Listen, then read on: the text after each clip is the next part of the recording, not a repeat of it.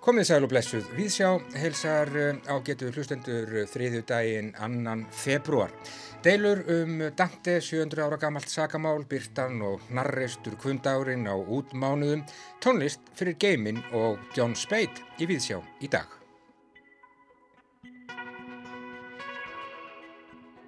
Við sláum á þráðinn til tónskálsins John Spade í þættinum en nýlega kom út nýrdiskur hjá útgáfufyrirtækinu Polarfonia með píjánuverkum tónskálsins. Verkin sem að sum hver má reykja aftur til sjönda áratugurins hefur speitt samið í gegnum tíðina, engum þegar hann hefur verið byggðin um það af píjanistum. Á nýju plötunni leikur Petur Mate verkin en þau eru sum hver helguð frægum tónskáldum úr tónlistarsögunni. Við ræðum við John Spade um þá glímu að semja tónlist fyrir einlegs píjánum.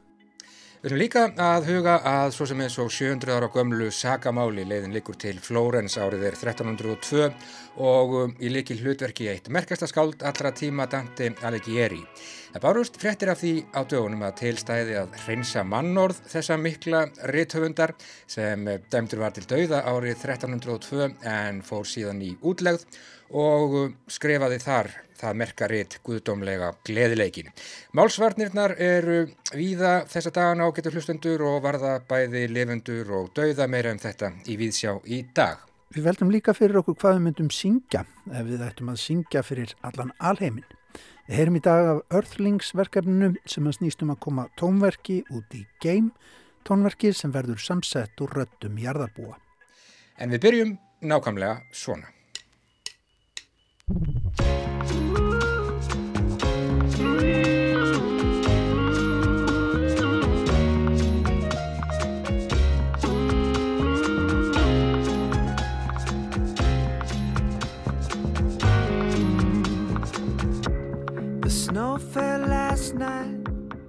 Já, ágættu hlustendur komin februar, hann byrjaði í gær, hekkandi sól, byrtan fallega, alltaf meiri og meiri byrta. Tilbreytingaleysið reynd dásamlegt, narreistir kundagar hver á fætur öðrum, hátíðahöld engin. Ekkert í sjálfu sér að gerast og uh, það er bara ljómandi gott, það er alltaf ja, ánægilegt að fá langan, tilbreytingarlausan janúar. Strax á eftir öllu jólarugglinu út mánuður þeir vinna á. Það er engin krafa um neitt á út mánuðum. Engin krafa um nokkuð skapaðan hlut, það er engin krafa um að manni líði vel eða sé í stanslösu stuði eða alltaf að gera eitthvað, upplifa eitthvað, nema ný lönd. Maður þarf ekki að vera í neinu sérstöku skapi, bara vera, ekkert samvinskupið yfir því að vera ekki á faraldsfæti eins og sumrin þegar samvinskupið yfir því að láta hvern mánuðin á fætur öðrum líða hjá þess að njóta einhvern veginn algjörlega í botn ætlar mann lifandi að drepa.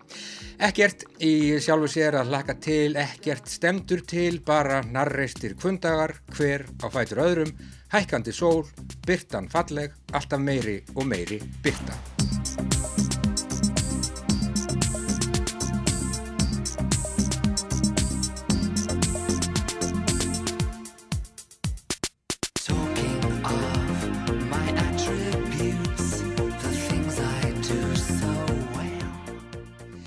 Ljóðbókinni Vetrarmyndinni eftir Þorstein frá Hamri, bók frá árunnu 2000, má finna ljóð sem nefnist Rökkur helgin. Þetta er eitt af fjölmörgum ljóðum Þorsteins sem eh, hafa setið í mér og það situr enn í mér ríflega 20 árum eftir að ég las það fyrst. Rökkur helgin, fáskiptin, frægðarlaus, ekkert stemdur til, engin undirbýr neitt, ekkert hefur gerst nema einhver hafði kannski dagaskipti við drottin. Og svo gerast undrin án þess að vera sérstaklega hringd inn hvarvetna kvikna óvænt litlar ljóðkynja hátíðir. Og mistök verða en fyrir margt er bætt af svo yfirlætislausri öðulegð að fyrir ber að við flýjum á náðir álfa og engla þegar hugsanir okkar og orð hrakva naumast fyrir ögn af því sem vitranir okkar eiga skást skilir. Mornings come you watch the red sunrise The LED still flickers in your eyes. Oh you ought to spare your face the razor Because no one's gonna spare time for you. Já, ágættu hlustendur, engin undirbýr neitt, ekkert hefur gerst, ekkert stemdur til Þannig eru útmánuðir í mínum huga og dróttir minn hvað ég kann vel að meta það alltaf betur og betur með hverju árinu sem líður. Það er einhvern veginn eins og maður dvelji utan við tíman, allt er opin víðátt, allt er undrun og skjálti, allstaðar ljóðkenja hátíðir og við flýjum kannski á náðir alfa og engla. Februar, undrun og skjálti, allt er opin víðátt að komtu bara fagnandi, ekkert stendur til, engin undirbýr neitt, ekkert hefur gerst. Maður getur verið gladur eins og kengura, dabur eins og sólsettur og allt þar á milli. Lífið er bara sjálfu sér líkt. Hvað ætlar að gera í kvöld? Ekki neitt, en á morgun, ekkert sérstakt, en um helgina, veit ekki, það er ekkert plan, ágætt að lifta sér upp? Nei, held ekki. Ekki allir bara vera heima af eitthvað orkitöður og telja þeirri tærnar. Tja, jú, það getur bara vel verið. Það er enda svolítið góð hugmynd. Takk fyrir það, kærlega. Nei, annars, það getur meirinn vel verið að ég fá mér bara göngutúri eins og gammalmenni um gamla kirkjugarðin, upplifi byrtu sálarinnar, telji tár minningana og hlusti á bergmál Saturnusar, veruleikanum geðjast vel að allri samsvörun og því sem er dálitið úrreld. Ekkert stendur til, enginn undirbýr neitt, ágætu hlustendur, njótið og njótið vel.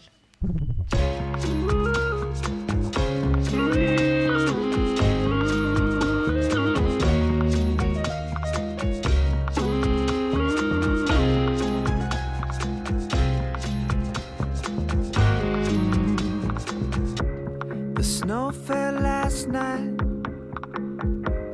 Your flight couldn't leave. Come back to the bed. Let's take this reprieve. It felt like the end. The end's been delayed. You're here in my arms. So what should I say?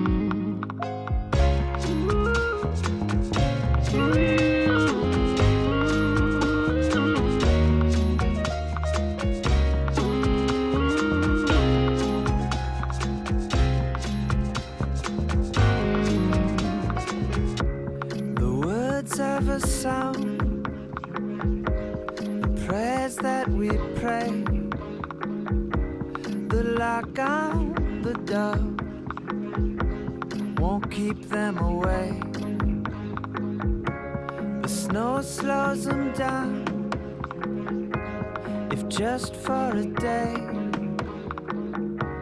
But here comes the sun those toxic gold rays. Trains start to move, bears start to ring. The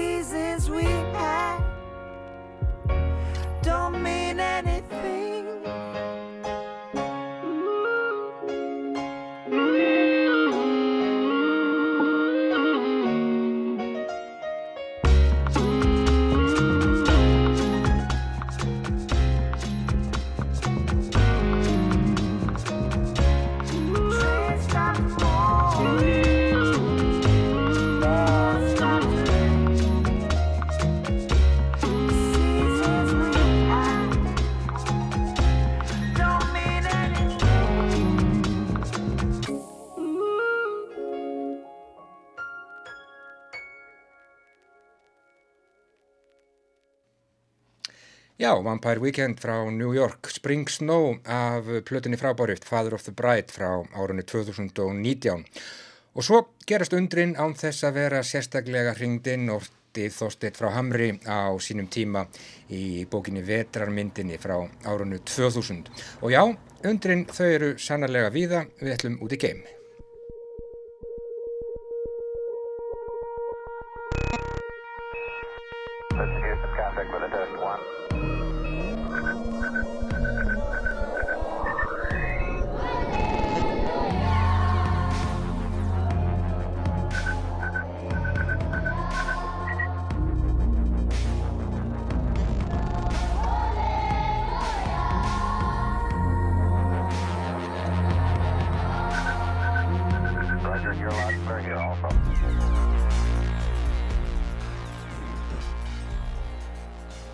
Hvernig ætti Symfónia jarðarbúa að hljóma?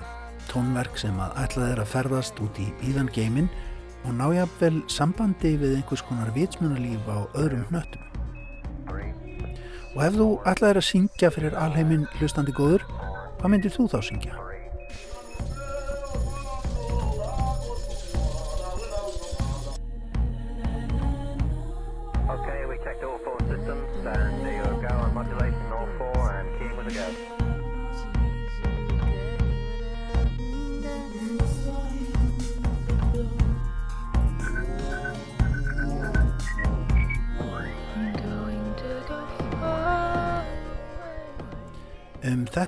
Er Mexikos tónskáld og tónlistarmaður mikið að hugsa þessa dagana. Felipe Peris Santiago heitir hann. Hann er með merkjasendingar milli menningarheima á heilanum þessa dagana, merkjasendingar á dálítið stórum skala. Santiago er nefnilega staðarlistamæður hjá samtökum, já eða reyfingu eins og þau kalla sig frekar, sem heitir Earthling Project og vil koma bóðum frá okkur hér á jörðinni hérna eitthvað langt, langt út. Santiago og samstagskona hans Jill Tarter, virtur geimelisfræðingur og meira segja fyrirmynd personunar sem það stórleikonan Jodie Forster leik í myndinni Kontakt frá árunnu 1997 vilja nefnilega senda eitthvað fallegt út í óra vít geimsins, híðan frá okkur á jörðinni. Tilgangurinn vissulega að reyna að hafa samband við fjarlæga nágrana, einhvers konar, en líka og kannski ekki síður að minna okkur hér á jörðinni á brótætta stöðu okkar í alheiminum og brótætta stöðu okkar hér á jörðinni. Og tónskáldið Felipe Pérez Santiago hefur trú á söngnum. Hann vil að við syngjum eitthvað þangað út, þangað upp, þangað niður, út eða suður, eitthvert allavega. Og það er hugmyndin á bakvið Earthling verkefnið. Það er einhvers konar ákall til fólks hvar sem er í heiminum um að taka þátt með því að taka upp söngbúta og senda þá yfir netið með hjálp smáfórits sem hægt er að hlaða niður í símanum. Maður leitar bara að Earthling Project og já, ég hlóð smáfóritinu niður. Þar taka þau Jill Tarter og Felipe Pérez Santiago á mótumanni í einhvers konar hologram formi. Daldið eins og þeim langi að vera beint út úr starfosmyndu auðvitað. Hello, my name is Jill Tarter. I'm the Emeritus Director of the Center for SETI Research at the SETI Institute in Northern California. And right now I'm working on a project with one of our artists in residence, a fantastic musician and composer named Felipe Santiago. And we want you to be part of this project as well. Thank you, Jill. Hello and welcome. My name is Felipe Perez Santiago. This is the Earthling Project platform, a place to record your voice and share it with the world and beyond.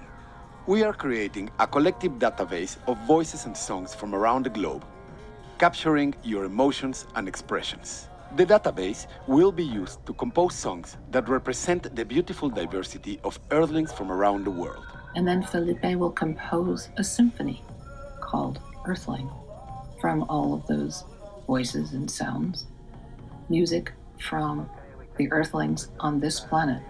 This and other compositions, a snapshot of our cultural legacy, will be sent to outer space.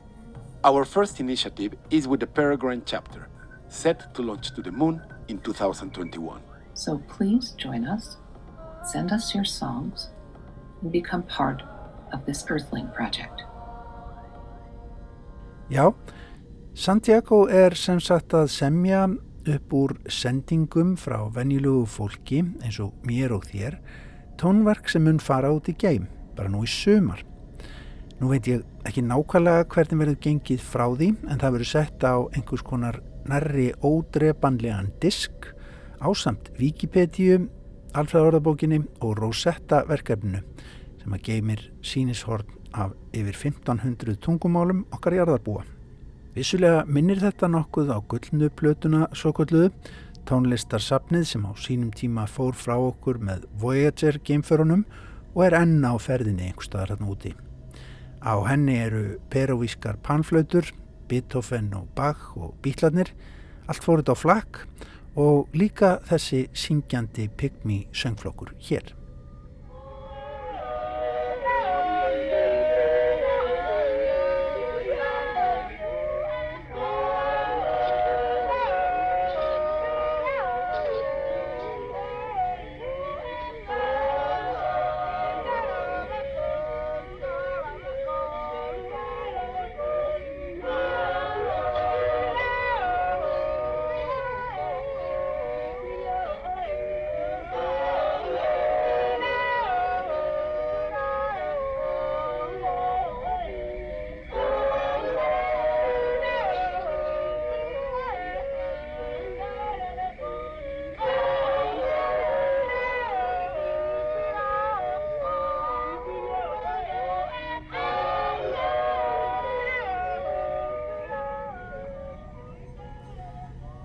Hvað ætlar Santiago að gera nú? Jú, í umfjöllun The Economist um málið er haft eftir honum að hann vilji byggja hljóðu vegg, Wall of Sound, sem er kannski viðegandi nú þegar höfundur hugdagsins, Phil Spector, sá meingallaði snillingur, hefur nýlega skilið við.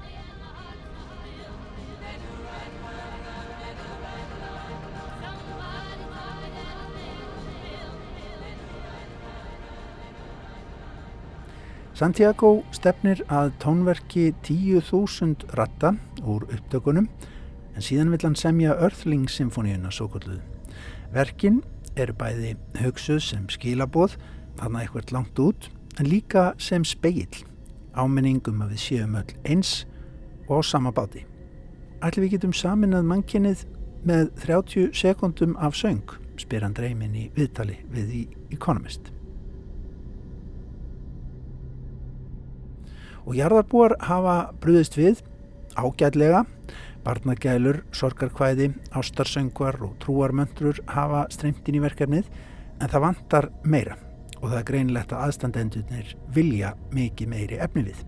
Ólið því sem átti við um Voyager hér um árið. Þá fá Bach og Beethoven ekki bara pláss í þessu verkefni og heldur ekki sér valið efni með mannfræðilegt gildi heldur líka við sem að syngjum stundum ein í sturtum og það ótrúlega er að tónskaldið ætla sér að nota allar upptökurnar sem honum berast með þessum hætti. En eftir því sem að les meira um þetta þá virðist manni sem svo að verkefnið snúist ekki síst um okkur sjálf að við áttum okkur á því hver staða okkar sé hér á jörðinni frekar en endilega að hafa samband ekkert lengst, lengst út í geim. Og geimeðlisfræðingurinn Jill Tarter bendir á að við stöndum frammi fyrir verkefnum sem aðeins er hægt að leysa með samvinnu þvert á landamæri hér á jörðinni og örþlingverkefnið sé lítið tákgrænt dæmi um möguleikana til þess. Þar myndist tenging melli vísinda og listar, svið sem að bæði snúast um að nota ímyndunaraflið til að upphugsa nýjar leiðir og löstnir á verkefnum, setja fram nýjar áhugaverðar og krefjandi spurningar taka áhættu, gera tilraunir og að lokum að vinna saman.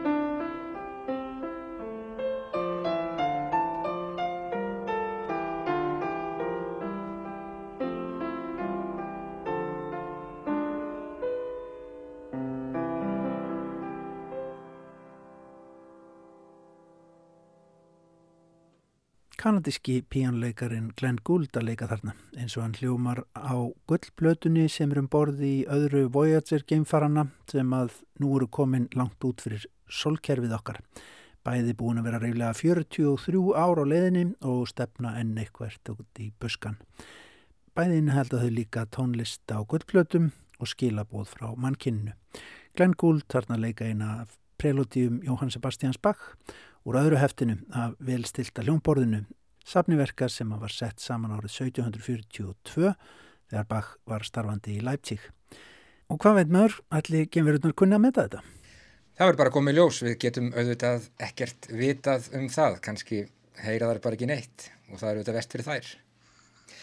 En þá ágætum hlustundur skulum við bregða okkur svo sem eins og 700 ár aftur í tíman og skulum fara til Ítalju.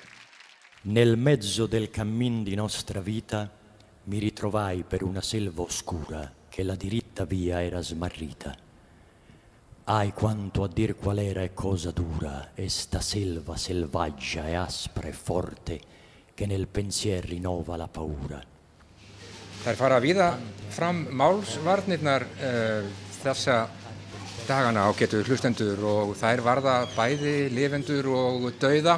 Við ætlum að fara svo sem eins og já, ríflega 700 ár aftur í tíman, við skulum fara aftur til ásins 1302, staðurinn er Flórens og í líkil hlutverki er skáld sem var ansi gott, kannski bara eitt af allra bestu skáldum allra tíma Dante Alighieri. Gauti Kristmansson, hvað, eh, hvað var að gera þarna? Já, það er afkomandi hans vil fá þarna nafn hans hreinsað. Þetta kom fram í frétt í Guardian um daginn og eh, það, það er sem sé einn afkomandi hans sem vil, vil hafa það mál þannig að það sé hægt að hreinsa nafn hans af spillingu og hann var dæmdur til að vera brendur á báli sko af því að hann mætti ekki, mætti ekki til þess að borga sektin eða eitthvað líka, ég man ekki alveg hvernig það var. Og það er líka afkomandi einhver saksóknara sem, sem eh, verður að vinna í málunum þannig að við Íslendingar þykist eiga langar ættartölur og muna allt langt aftur í tíman en Ítalarnir, þeir, muna, þeir, þeir geta vakið upp réttarhöld frá 14. öld Já.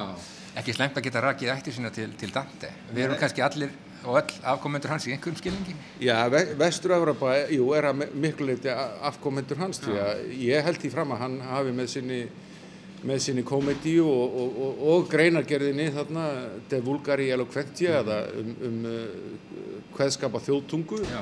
Þá hafi hann haft uh, sko, ström, orði, valdi strömmkörfum í vestrænum bókmyndum Þeirri, þeim strömmkörfum að við fórum að yrkja á móðumálinu því að hann kom með hann kom með hugmyndin um hvernig eigi að yrkja á móðumálinu hvernig eigi maður eigi að vísa til fornaldar og svo framvegis. Og þetta var hermt eftir um, í Fraklandi um allan heim eh, alveg fram til okkar eh, eða ég, ég segi sem sé á, upphafi nýjaldar skulum við segja. Fermo sempre era al più basso ed ecco, quasi al cominciar dell'erta, una lonza leggera e presta molto che di pel macolato era coverta e non mi si partiva Algjör tímamóta maður, en þarna Gauti logaði allt í, í illdeilum og, og flokka dráttum í Flórens og, og Dante hann skipaði sér þarna í, það voru tvær fylkingar það ekki og hann, hann skipaði sér í, í aðra þeirra. Já, sko þetta er flóknar en það sko. Þetta, þetta stjænist náttúrulega um, um sko ítök Páfaveldis og, og, keisaradæmisins þarna sem var svona Evrópusamband þess tíma. Og þarna og síðan, síðan voru það ættir innan, innan Flórensborgar, það voru svo kallar Guelfar og Gibbelínar og, og Dante var með Guelfonum en svo klofnuðu þeir í hvíta og svarta flokkin sko. Já, það var fló, Já, þetta var mjög fló, flókið uh, valdatafl sko. Um, já, það átti, að, það átti bara hreinlega að brenna hann á, á báli en hann, uh, niðurstaðan var svo að hann var dæmdur í útlegð. Já, hann var sko fyrst dæmdur í útleið, ef maður rétt, í tvö ár og átti svo að koma, koma aftur en, en kom ekki og uh, þá var hann dæmdur fjárve, að honum fjárverandi til að vera brendur á báli. Já, nákvæmlega. og þarna hann náttúrulega fór ekkert að helsa upp á borgina eftir það og var í útleið og skrifaði sína frægu komedíu í þessari, þessari útlegð og það má náttúrulega segja að hann sko það er stundu verið að tala um nú, stu, nútíma miðlana að menn sér er að ná sér niður á öðrum í samfélagsmiðlum en, en hann, hann tekur nú nokkra góða menn og plantar þeim á vonda staði í henduleik. Já, og, og, og, nýður, nýður að þeim skóin sko. þannig að, þannig að þarna, þetta þekktist nú alveg áður að menn veru, veru reyður út í andstæðinga sína Já, málsvarnir við það. Já, og síðan eru málsvarnir lengi og eftir og, og núna, núna ég sem sé að reyna að hreinsa nafn Dantes, ég er alveg fylgjandi því. Já, hann sagt, uh, þetta er 1302 og hann uh, lifir í ykkur 20 ári viðbót þeir uh, í september árið 1321 og já, skrifar guðdómlega gleðileikin í, í, í útlegð. Já, einmitt, hann skrifur hana, komedíuna og, og eh, eins og hann kallaði hana sjálfur og, og þarna og uh, þetta er náttúrulega eitt af höfuðverkum vestrætna menningar og, og náttúrulega ítalskrar og, og þarna það má segja hann að við fundið upp ítalskuna í þessu verki og þarna og það, ég meina það er, ný, það er til í, það er hluta til í, til í íslenski þýðingu en það mætti klára þetta Nákvæmlega. Uh, þetta er nú daldið langt seilst, sko, maður velti fyrir sér, sko, hver, hver nákvæmlega tilgangurinn er með þessu fjandakotni, þetta er 700 ár. Já, en ég meina, hvað er mannorðitt? Ja. Þetta, ég meina, það, það vilja allir að mannorð sitt lifi. Þess vegna er nú, það er ekki hlutað til að að þess vegna sem menn eru að skrifa, sko, sko, sá sem skrifa lifi, se- segir þýska máltækið og, og þarna, og, eh, og, og síðan náttúrulega, minnst kosti, lengi vel skrifiði menn til þess að það kæmi fram hverju þeir væru og hvernig, hverja ættaðir voru, við sjáum allar ættatölunar í gömlu miðaldabókunum og, og svo framvegis, en En mannorðitt, ég meina, er það ekki mikils virðið þó þú séu dáinn? Og hvaða máli skipta þá 100 eða 700 ár? Maður veit bara að fá það endurist ef það, er, ef það hefur verið, ef það hefur verið þarna tekið niður. Já. Og Dante skrifaði náttúrulega fyrir eiliðina en sko, mann hlýtur að velta fyrir sér hversu, um, hversu nákvæmar þessar ættartölur eru. Ég meina, hver getur poppað fram og sagst vera afkomandi Dantes 700 árum síðar? Já, nú veit ég ekki, sko, þetta er náttúrulega, ég meina, einhvern tíma var mér sínd ætt að tala mín sem náði aftur til óðins, þannig að, þannig að ég veit ekki, ég, sko, hvað er ættfræði? Er það, er það fiksjón eða faksjón eða, mm -hmm. eða skaldskapur eða, eða staðreinda söfnum og, og svo náttúrulega eru alltaf óvissu þættir í, í, í ættartölum, það er eins og allir vita, sko, að, þarna, að það er ekki alltaf rétt feðrað og, og svo framvegis og svo er held ég líka þegar menn er að skrifa þeirra þá er nú kannski stundum skáldaðin í eyður Mm. Uh, mér skilst að þetta að skýrast í mæ, sá ég það rétt? já ég held að Já. og það verður frólægt að sjá hvað hva, þarna, hvað, hver, hver niðurstaðan verður ég, ég veði á Dante sko hann er komið það mikið menningarlegt sko auðmagn að, að þarna, það myndi engin dómari þóra að þarna, við, viðhalda þessari, þessum dómi sko Hjólar enginn í Dante þó hann sé búin að vera döður í 700 ár. Já, og þess vegna kannski er ástæða fyrir því að reynsa mannorðans því að hann, hann er ennþá mjög mikilvæg fígúra í ítölsku þjóðvilju og, og bara európsku. Varst eftir í svona fljótubræði eftir einhverju svona hliðstæðu, hliðstæðu máli úr, úr bókmyndasögunni? Nei, ég man nú ekki í svona fljótu bræði, ég hef nú ekki aðtúa það en Kemur kannski hólskeipla á eftir. já, kannski, ég meina það, það hefur kannski, kannski verið farið í mál við þá sem hjuggu snorra og svo framvegis. nákvæmlega. Sjáum hvað setur með það. Já, nákvæmlega. Sjáum hvað setur með það, Gauti Kristmansson. Við fylgjumst með þessu spenntir, þessu 700 ára gamla sagamáli og já, já, við höldum bara með okkar Dante. Takk fyrir mig. Já, emitt, sammála því. E io a lui, poeta, io ti richeggio per quello Dio che tu non conoscesti, a ciò che io fugga questo male, e peggio che tu mi meni là dove dicesti, sì che io vegga la porta di San Pietro e color cui tu fai cotanto mesti. Allor si mosse e io li tenni dietro.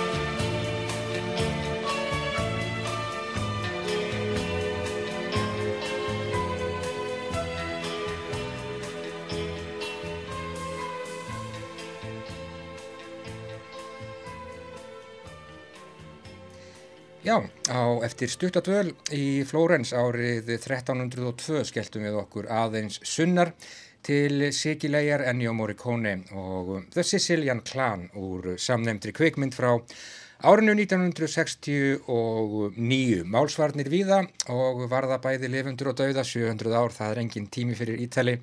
Bara hlægilegt, sá sem skrifar lifir, sagði Gauti Krismánsson. Ég hitti hann í bakaríinu Passjón við Alfheima í morgun. En þá snúum við okkur að bitastæðri íslenskri samtíma tónlist.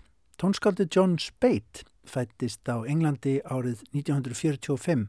Hann stundaði söngnám við Guildhall School of Music and Drama í London á árunum 1964 til 72 en jáfnframt laðan stund á tónsmiðanám þar við sama skóla. Árið 1972 fluttist hann til Íslands og hefur verið búsettur hér síðan og er íslenskur ríkisborgari.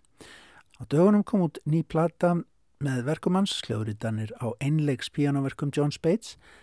Það er Petter Mate sem að leikur verkin á plötunni en við slóum á þráðin til tónskálsins.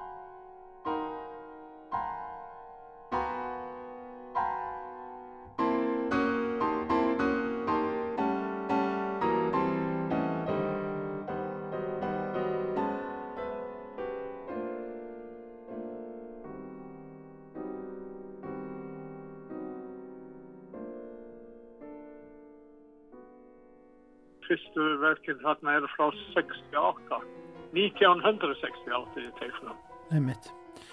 Hvernig svona, hefur þú hort á það að, að semja fyrir píanóið? Nú náttúrulega hérna, tónlistarsagan uppfull af píanómúsi. Hvernig, hvernig tekum maður á píanónu sem tónsmiður? Getur þú líst í?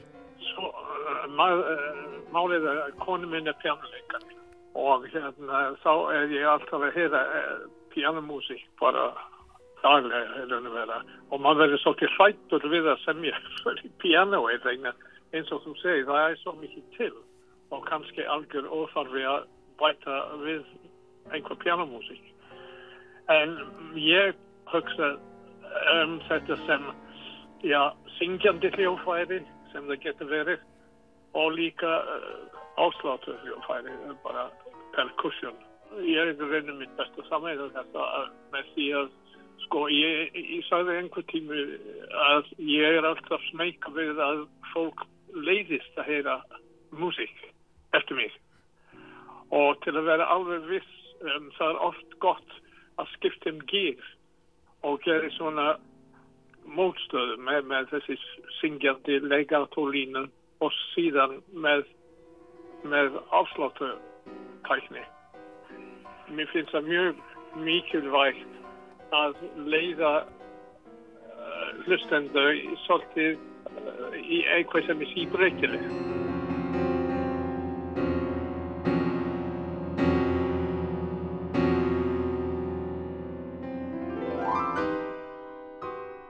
Mér finnst það er mjög erfitt að skrifa fyrir piano. Ég er engin pianist sjálf og svo. En hérna, mér finnst það mjög erfitt vegna það að vera, maður dettur kannski einhver svona klísjugir vegna, já vegna þess að það er svo mikið fyrir, maður heyri svo mikið af pianomúsík og þetta er erfitt að gera eitthvað hérna frumlegt í samband við þetta. En þetta er magna hljóðfærið þetta? Já, það er það. Það er það. Og það er líka Ég held að passa stundum, sko ég hef, hef yfirleitt skrifa bara það sem er í byrjina. Bara allt sem ég hef skrifa hefur verið eitthvað sem einhver hefur verið að byrja mig um. Og kannski er það frekar fáir pianisti sem hefur gett það. Kona minn Sveinbjörg og Petur Mattei hefur gett það. Og svo fyrirvænandi uh, nefndi hjá Sveinbjörg sem heitir Ásmar Ólason. Ég hef skrifað ímislegt fyrir hann. Hann var eins og ég nefndi hjá Sveinbjörg og þá, þá vildi við fá eitthvað nýtt fyrir þessi nefndi sem var mjög gefnilega og þetta er flest verið búið til í svona tilefni.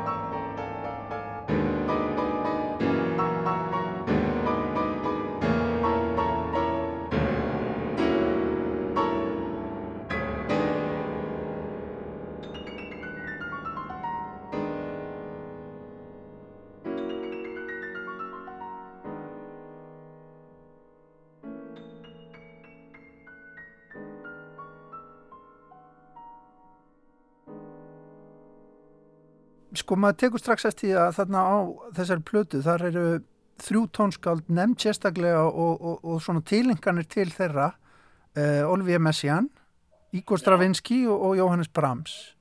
Já, ég held að sko um tímubili fór ég gegnum tímubil það sem ég hlustaði mikið á Messiaen og var mjög, mjög hrifin af það sem hann gerði. Hann finnst mér að vera einu tónskáld sem getur gert eitthvað sem er bara eins og að sletta svolítið over the top stort og mikið og, en það virkir ekki á honum. Hann hefur stjórnað þess og það fannst mér mjög aðtíðlifest uh, með Stravinsky ég held við erum flest tónskáld einhver tíma búin að vera undir áhrifum frá Stravinsky svo það sé bara kannski rytmist sé. Og Brahms ef ég alltaf síðan ég var ungur maður haft ég bara elska Brahms bara einfallega. Það er mjög auðvelt að ennskan. Já, já, það, ég held að var Benjamin Britten sem saði einhver tími að Brahms skrifiði bara slæmtónlist. Það var ekkit til að tala um bara slæmtónlist. En ég er algjörlega ásamáður. Ég líka. já, gott að heyra.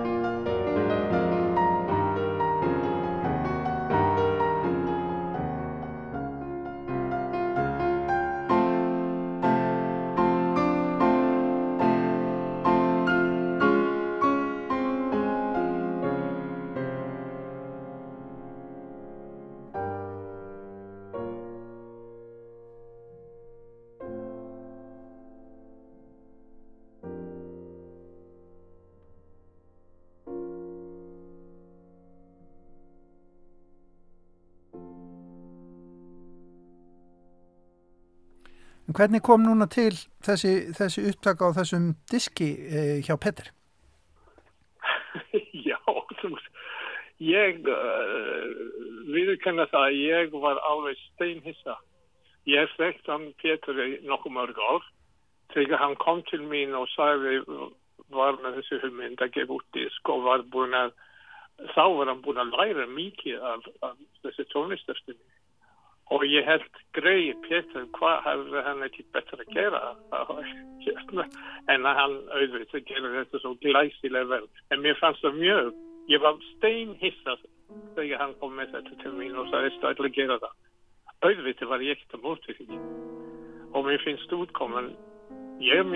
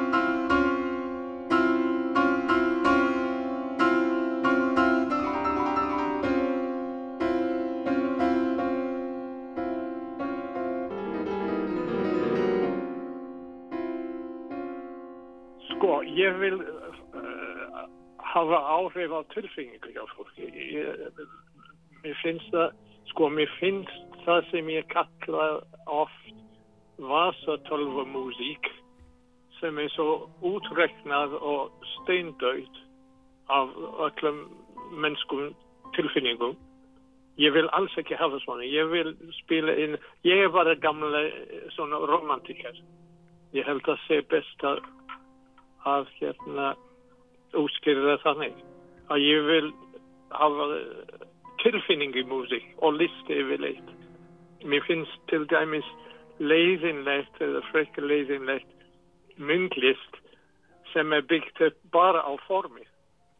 Maður notur form til að hafa áhrif á fólki en ekki sem endilega bara the point in itself. Það er ekki mér finnst form, bara form, er bara leiðinlega. Ég, ég vil uh, ekki bara músík sem gerir það, ég vil fá líka myndlist og list yfirleitt sem gerir það. Mér finnst það tilgangslaust, þetta kveikja ekki neitt fólk. Ég ólst upp sem söngvari vann í mörg á sem söngvari og þar er maður yfirleitt alltaf að meðhandla tilfinningar er óperu, er ljóð eða hvað það er og þess vegna vil ég halda áfram til braut að hafa, reyna að hafa áhrif á tilfinningi á fólki.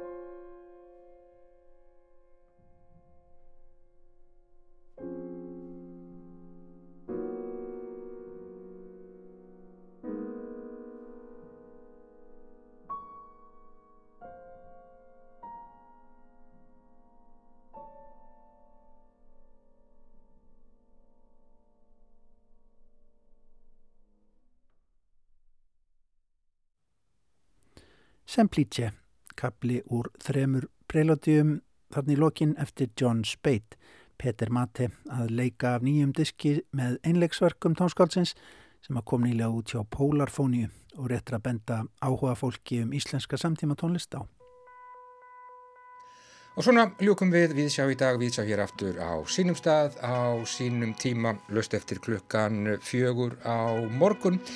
Takk fyrir samfélgina í dag, kærlega, verið sæl.